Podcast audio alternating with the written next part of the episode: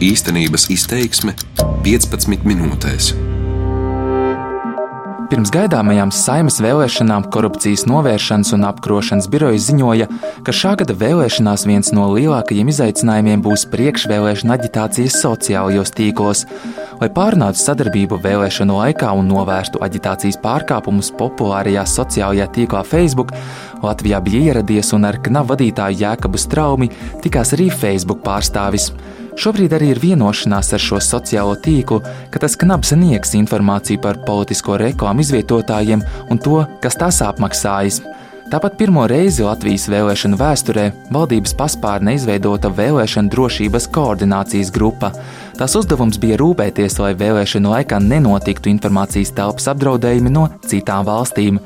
Nu jau vēlēšanas noslēgušās, zināms partijas un arī deputāti, kas saimā tika un var izvērtēt, cik liela nozīme sociālajiem tīkliem un aģitācijai tur bija šajās saimnes vēlēšanās, cik labi ar aģitācijas kontroli tika galā knapi darbinieki un kādu mācību turpmākajam darbam guvušas visas iesaistītās puses. Mani sauc Rudolfs Krieviņš, un šis ir raidījums īstenības izteiksme 15 minūtēs. Es pie Dāvidas Sirmā. Šogad partiju un topošo deputātu aktivitātes sociālajos tīklos bija augstāka nekā citos vēlēšanu gados, norāda korupcijas novēršanas un apkarošanas biroja pārstāvis Dāvis Sirmais. Par to liecina arī partiju tēriņi. Tieši aģitācijām sociālajos tīklos šogad tie bijuši vairāk nekā 200 tūkstoši eiro, jeb 10% no kopējām partiju aģitācijas izmaksām. Tas ir daudz vai maz? Es nezinu. Taču, ja mēs ņemam par atskaites punktu iepriekšējās pašvaldību vēlēšanas, tad tie bija apmēram 4%. Nu, tā tendence ir pieaugt, bet nu, liela nauda tomēr tur, tur varbūt nav nemaz. Arī žurnāliste Inga Spriņģe secina, šogad aktivitāte bijusi lielāka. Politiķi bija atklājuši, ka eksistē Facebook un ka Facebook dzīvo pusi Latvijas iedzīvotāju. Spriņģe kopā ar kolēģiem no pētnieciskās žurnālistikas centra Rebaltika sekoja līdz partiju aktivitātēm sociālajos tīklos. Viņa saka, šīs vēlēšanas tieši ar to arī atšķīrās. Politiķi bija atklājuši, ka sociālajie tīkli ir vieta, kur meklēt savus vēlētājus. Un pirmo reizi, manuprāt, tik ļoti masveidīgi izmanto sociālie tīkli. Galvenokārt tas bija Facebook, YouTube, Instagram. Twitter ir ļoti specifiska autorija, ļoti mazas autorijas, domāju, tādēļ uz to daudz politiķi nekoncentrējās. Un tad nākamais jautājums bija, kā jau konkrētās politiskās grupas un partijas izmantoja šos sociālos tīklus. Un veidi, kā partijas centās uzrunāt savus vēlētājus priekšvēlēšanu laikā, bija dažādi, bet visbiežāk tie bija apmaksāti reklāmu baneri, videoklipi sociālajos tīklos, partiju reklāmas pirms videoklipiem YouTube, kā arī tiešraides sociālajā tīklā Facebook. Tās bažas, protams, bija daudz lielākas nekā realitātē piepildījās. Uzskata dezinformācijas pētniece Nika Aleksējeva, kura strādā arī NATO strateģiskās komunikācijas izcelības centrā. Viņa uzskata, lai gan aktivitāte bijusi augsta, sākotnēji paustās bažas par sociālo tīklu ietekmi tomēr nav apstiprinājušās bet uzmanības vērta tik un tā ir partiju aktivitāte un sociālo mediju tīkli, ko partijas bija izveidojušas. Tas, ko mēs redzējām, ir, ka tik tiešām partijas izmantoja sociālos tīklus. Pirmkārt, tāpēc, ka cilvēki aizvien vairāk tos izmanto. Otrakārt, tāpēc, ka aģitācijas ierobežojumi neatiecās vēl joprojām uz sociālajiem tīkliem, un ir daudz lietas, ko tur var darīt gan par maksu, gan bez maksas. Mēs redzējām, ka tika veidoti tīkli ar kontiem, kas izplata politiķu vēstījumus. Politiķu vēstījumi tiek veidot ne tikai tādā klasiskā veidā, tur uh, teksts vai teksts attēls vai teksts video, bet uh, dzīva pārraide un tad uh, konti dalās ar tām un, un izplata tālāk. Kā stāsta Spriņģe, vasaras vidū partiju aktivitāte sociālajos tīklos vēl bija zema, tomēr pēdējā nedēļā tā auga aptuveni trīskārši, un viņa novērojusi, ka atsevišķas partijas lielu daļu tēriņu sociālajos tīklos veica tieši pēdējā nedēļā. Izņēmums bija tikai partijas saskaņa, kur jau laikus sociālajos tīklos domāja par aģitāciju. Kur varēja redzēt jau pēc dažādiem faktoriem, ka viņi jau gadu apmēram iepriekš sāka tam gatavoties, veidojot visu šīs lapas, krājot lielus sakotāju skaits un pēc tam izmantojot politiskajiem mērķiem. Tad nākamā, kas bija šajās vēlēšanās diezgan veiksmīga un aktīva, bija KPV KPV bija ļoti veiksmīgi tieši ar to, ka viņi atkoda, kas patīk Facebook algoritmam, un tie ir dzīvie video. Kad tu ej iekšā dzīvajā un stāsti kaut ko, jo Facebook automātiski šādus materiālus izceļ kā prioritārus un parāda daudz lielākam skatītāju lokam. Arī Nika Aleksēja izceļ Facebook tiešraižu video. Tas šogad bijis jaunums, ko partijas izmantoja savā komunikācijā ar vēlētājiem. Iemesli dažādi. Arī tas, ka par to nav jāmaksā, līdz ar to tas nav ieskaitāms priekšvēlēšanu aģitāciju izmaksās. Tas ir arī ļoti loģiski, jo Facebook šādus video viņš par tiem atsūta atgādinājumus, un cilvēki par to saņem pat tad, kad aplikācija ir aiztaisīta ciet. Tāpēc ļoti loģiski, ka šīs satura izplatīšanas veids tika izmantots diezgan daudz. Neteiktu, ka šīs vēlēšanas bija ļoti radošas citu valstu kontekstā. Citās valstīs ir novērojami ļoti plaši automatizēti sociālo mediju konti. Bet par skaitļiem, kuras partijas šogad aģitācijām tieši sociālajos tīklos tērējušas visvairāk, un vai sociālajiem tīkliem bija liela nozīme tam, kam savu balsi atdeva vēlētāji. Šogad visvairāk reklāmām sociālajos tīklos atvēlēja partija KPVLV - vairāk nekā 46 tūkstošus eiro. Tam sekos saskaņa ar nedaudz mazāk - 44 tūkstošiem. Jāpiemina, ka šīs partijas ieguva arī vislielāko vēlētāju atbalstu. Pārējās partijas sociālajos tīklos tērējušas krietni mazāk - līdz 22 tūkstošiem. Tomēr Inga Spriņģa atzīst, ka ļoti grūti izvērtēt, cik liela ietekme uz vēlētāju balsīm bijis tieši sociālajiem tīkliem par to daudz runā arī piram, kontekstā ar propagandu. Vai propagandai internetā ir ietekme vai nav, vai viņi ietekmē vēlētāju izvēli. Bet katrā ziņā partijas tur uzrunāja un sociālajie tīkli bija vieta, kur liela daļa vēlētāju uzzināja par politiku un partiju aktivitātēm un vairākas partijas tieši virtuālajā vidē tērēja lielāko daļu savu aģitāciju tēriņu, kā PVLV vairāk nekā 40%, no sirds Latvijai pat 65%, bet partija progresīvie vairāk nekā pusi no saviem nieka 30 tūkstošiem, kas bija atvēlēta aģitācijai, turpina Spriņģe. Sociālajie tīkli ir ļoti spēcīgs ierocis, un to pierāda kaut vai partija progresīvie. Viņiem bija ļoti mazs vispār budžets kopumā uz visām šīm vēlēšanām, apmēram 30 tūkstoši eiro, ko viņi ir deklarējuši. Pusi no tā viņi iztērēja Facebook. Un viņi bija ļoti profesionāli un vienīgā partija, kas ļoti mērķiecīgi tās savas reklāmas rādīja specifiskām auditorijām. Un tā ir tā Facebook priekšrocība vispār, kāpēc izmanto, ka tu vari katrai auditorijai, katram tur pensionāram, kuram patīk seriāli, tu rādi vienu reklāmu, bet pensionāram, kuram patīk kaut kas cits, tu rādi pilnīgi citu reklāmu. Tā kā profesionāli izmantojot, profesionāli nomērķējot auditoriju, sociālajiem tīkliem ir ļoti liela ietekme. Tu vari panākt rezultātu. Lai gan partijas to ar sevi nesaista, šajās vēlēšanās aktīvi darbojās arī virkne lapu un slēgtu Facebook grupu, kurās nevis aģitēja par, bet izsmēja kādu konkrētu partiju. Tās, piemēram, bija joku lapas, kuras dažādus komiksus un smieklīgas bildes nomainīja pret jokiem, kas vērsti pret kādām partijām.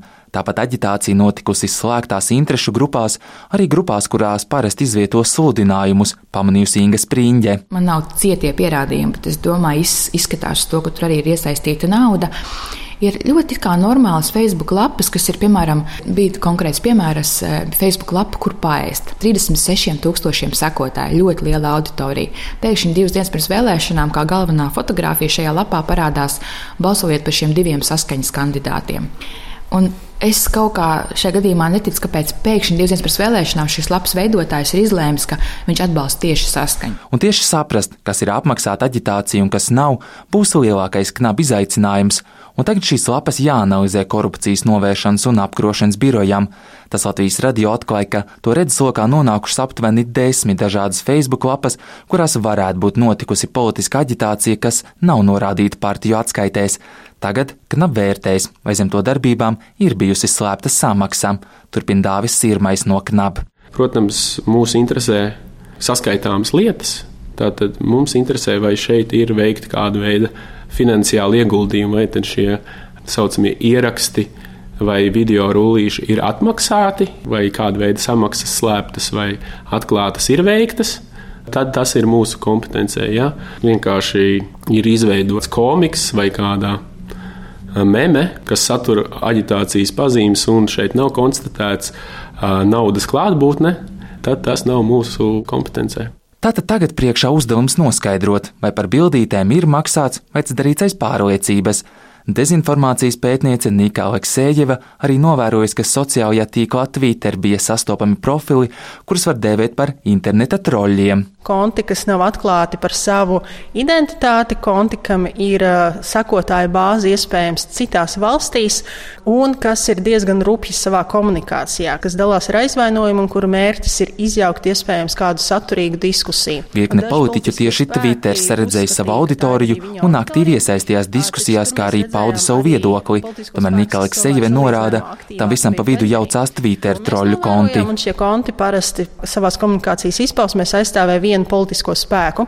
Tāpēc mēs varam teikt, ka jā, šo vēlēšanu laikā pastāvēja Twitter troļi, kas aizstāvēja vienu partiju. Un šādu troļu izteiktiem viedokļiem vai vispār viedokļu līderu izteiktiem viedokļiem Twitter vai kādā citā sociālajā tīklā, knabi ir ļoti grūti izsekot un noteikt, tas ir apmaksāts vai viedoklis par labu partijai tiek pausts aiz paša gribas, Turpina Aleksējeva. Sociālajie tīkli ļoti lielu to daļu balstās tieši tādās kā organiskās diskusijās. Šīs organiskās diskusijas bieži vien panāk, izmantojot tā sakto viedokļu līderu pieeju, ka sākumā ir cilvēki, kas ir diezgan ietekmīgi šajos sociālajos tīklos, kas par to sāk runāt.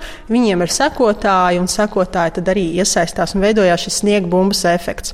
Un, um, nav īsti iespējams pārbaudīt, vai šie viedokļu līderi to dara no brīvas gribas, vai ir saņēmuši kādu labumu naudā vai graudā. Šogad pirmo reizi par to, lai vēlēšanas noritētu bez starpgadījumiem, izveidoja vēlēšana drošības koordinācijas grupu. To izveidot uzticēja premjera padomniecei strateģiskajos jautājumos Gunai Šnorei sociālajiem mēdījiem, viņi, protams, bija teiksim, tā vēlēšana drošības kontekstā mums diezgan lielā uzmanības centrā. Viņa Latvijas radio stāsta, ka viņa uzdevums bija rūpēties, lai caur sociālajiem tīkliem nenotiek kādi ārējie drošības draudi, tāpēc Šnore bija tas cilvēks, kurš tikās ar sociālo tīklu pārstāvjiem, lai pārunātu sadarbību vēlēšanu laikā. Visas šīs lielās korporācijas viņas ir, ir izveidojušas tādus teiksim, savas struktūra vienības, kas ir specifiski domāts tam, lai jā, komunicētu un sadarbotos ar valsts pārvaldes institūcijām. Šobrīd datus par priekšvēlēšana aģitācijām, korupcijas un novēršanas apkrošanas birojam jau sniedz Facebook, norāda Dāvis Sirmais no KNAB. Knabi interesē, kas maksā par reklāmām sociālajā tīklā un kas slēpjas zem tiem profiliem, kas aģitēja pret kādu partiju. Pašus svaigākos vēl nē, bet nu, tas, tas ir vienkārši. Tā procedūra nav tik ātra, kā mēs vēlētos. Paldies viņiem. Tas ir jā, nu, iepriekš mums tādas veiksmīgas sadarbības nebija. Tad mēs klāji uzticējāmies partijām. Mums, mums tāda kontrolas mehānisma nebija ļoti tāda konkrēta. Taču bija zināma kontrolas mehānisma, un, un noteikti mēs esam spēruši plašu soli pretī tam, lai veiktu šeit ļoti labu uzraudzību. Platu soli uz priekšu dezinformācijai sociālajos tīklos spērus ne tikai Latvija, bet arī Eiropas Savienība, norāda Guna Šnore. Septembra beigās starp populārākajiem sociālajiem tīkliem un Eiropas Savienību parakstīja dezinformācijas prakses kodeksu. Nu, tas uz šobrīd ir finalizējies ar to, ka septembra beigās tika Eiropas Savienības līmenī pieņemts tāds prakses kodeks, ko izveidoja visas sociālā mēdī internetu platformas par tiem principiem, kurus šim te platformām vajadzētu ievērot, bet tā būtiskākais ir raudīties uz to, kā viņš tiks ieviests dzīvēm, vai viņš nesīs tos rezultātus. Jo šobrīd tā ir tāda nu, brīvprātīga apņemšanās no sociālā mēdīju platformām. Prakses kodeksā ieviestie principi ir vairāki. Piemēram, sociālajiem tīkliem jānodrošina caurredzamība attiecībā uz sponsorētu saturu, jo īpaši politisko reklāmu, jāsniedz skaidrojums, kā strādā to algoritmi, jāievieš pasākumi, kas ļauj identificēt un slēgt viltus profilus, kā arī jānodrošina pētniekiem un publiskām iestādēm iespēja patstāvīgi uzraudzīt dezinformāciju tiešsaistē. Turklāt ir Eiropas valstis, kuras arī pašas ieviešus savus papildu likumus un regulējumus tieši sociālajiem tīkliem vēlēšanu laikā. Tādu, piemēram, oktobra sākumā apstiprināja Francija. Inga Sprīņģa uzskata, ka arī šīs vēlēšanas varētu novest pie grozījumiem Latvijas likumdošanā, ja no Facebook un Google saņemtie dati norādīs uz partiju pārkāpumiem. Un tad būs viss jāapkopā un jāizdomā, vai ir nepieciešams izmaiņas likumdošanā. Un tie varianti, par ko runāt, ir diezgan drastiski, sākot ar to, ka Varbūt vispār ir jāizliedz par maksu reklamēties Facebook, jo to nav iespējams izkontrolēt. Piemēram, Briti domā tieši par šo pašu, jo Briti novēroja, ka viņiem uz Brexit laika arī notika tāda slepena iejaukšanās. Tieši ar Facebook palīdzību tika pludināts negatīvas konkrētas ziņas. Tur, piemēram, viens no ierosinājumiem bija, ka būtu jau partijām jāpieprasa daudz ilgāku laiku pirms vēlēšanām uzrādīt savus tēriņus tieši sociālajos tīklos. Skaidrs, ka ir nepieciešama stingrāka kontrole pār aģitāciju sociālajos tīklos, tomēr šobrīd viss liecina, ka sākotnējās bažas par to milzīgu ietekmi tomēr nav apstiprinājušās, un Knaba ar savu uzdevumu ticis galā labi. Jā, partijas bija aktīvas, bet tas tādēļ, ka tās saprata, cik liels cilvēku skaits tieši virtuālajā vidē pavada savu brīvo laiku. Šīs vēlēšanas bijusi laba mācību stunda gan Knapa, gan citām institūcijām, kas uzrauga vēlēšanu drošību. Turklāt uzlabojās arī situācijas sadarbībā ar pašiem sociālajiem tīkliem, un, kā norāda Šnore, sociālai tīkli nešķiro, vai to palīdzību lūdz liela valsts vai Latvija, kurā, piemēram, Facebook auditorija ir mazāka par vienu miljonu. Tātad, jo sociālo tīklu atsaucība būs labāka un tās sniegs vairāk datus, jo arī mazāks būs bažas par to, ka caur tiem notiek slēpta, apmaksāta aģitācija. Mani sauc Rudolfs Krieviņš, un šis bija raidījums īstenības izteiksme 15 minūtēs. Par skaņu rūpējās Kaspars Groskops. Darbības vārds īstenības izteiksmē izsaka darbību kā realitāti. Tagatnē, pagātnē vai nākotnē, vai arī to noliedz.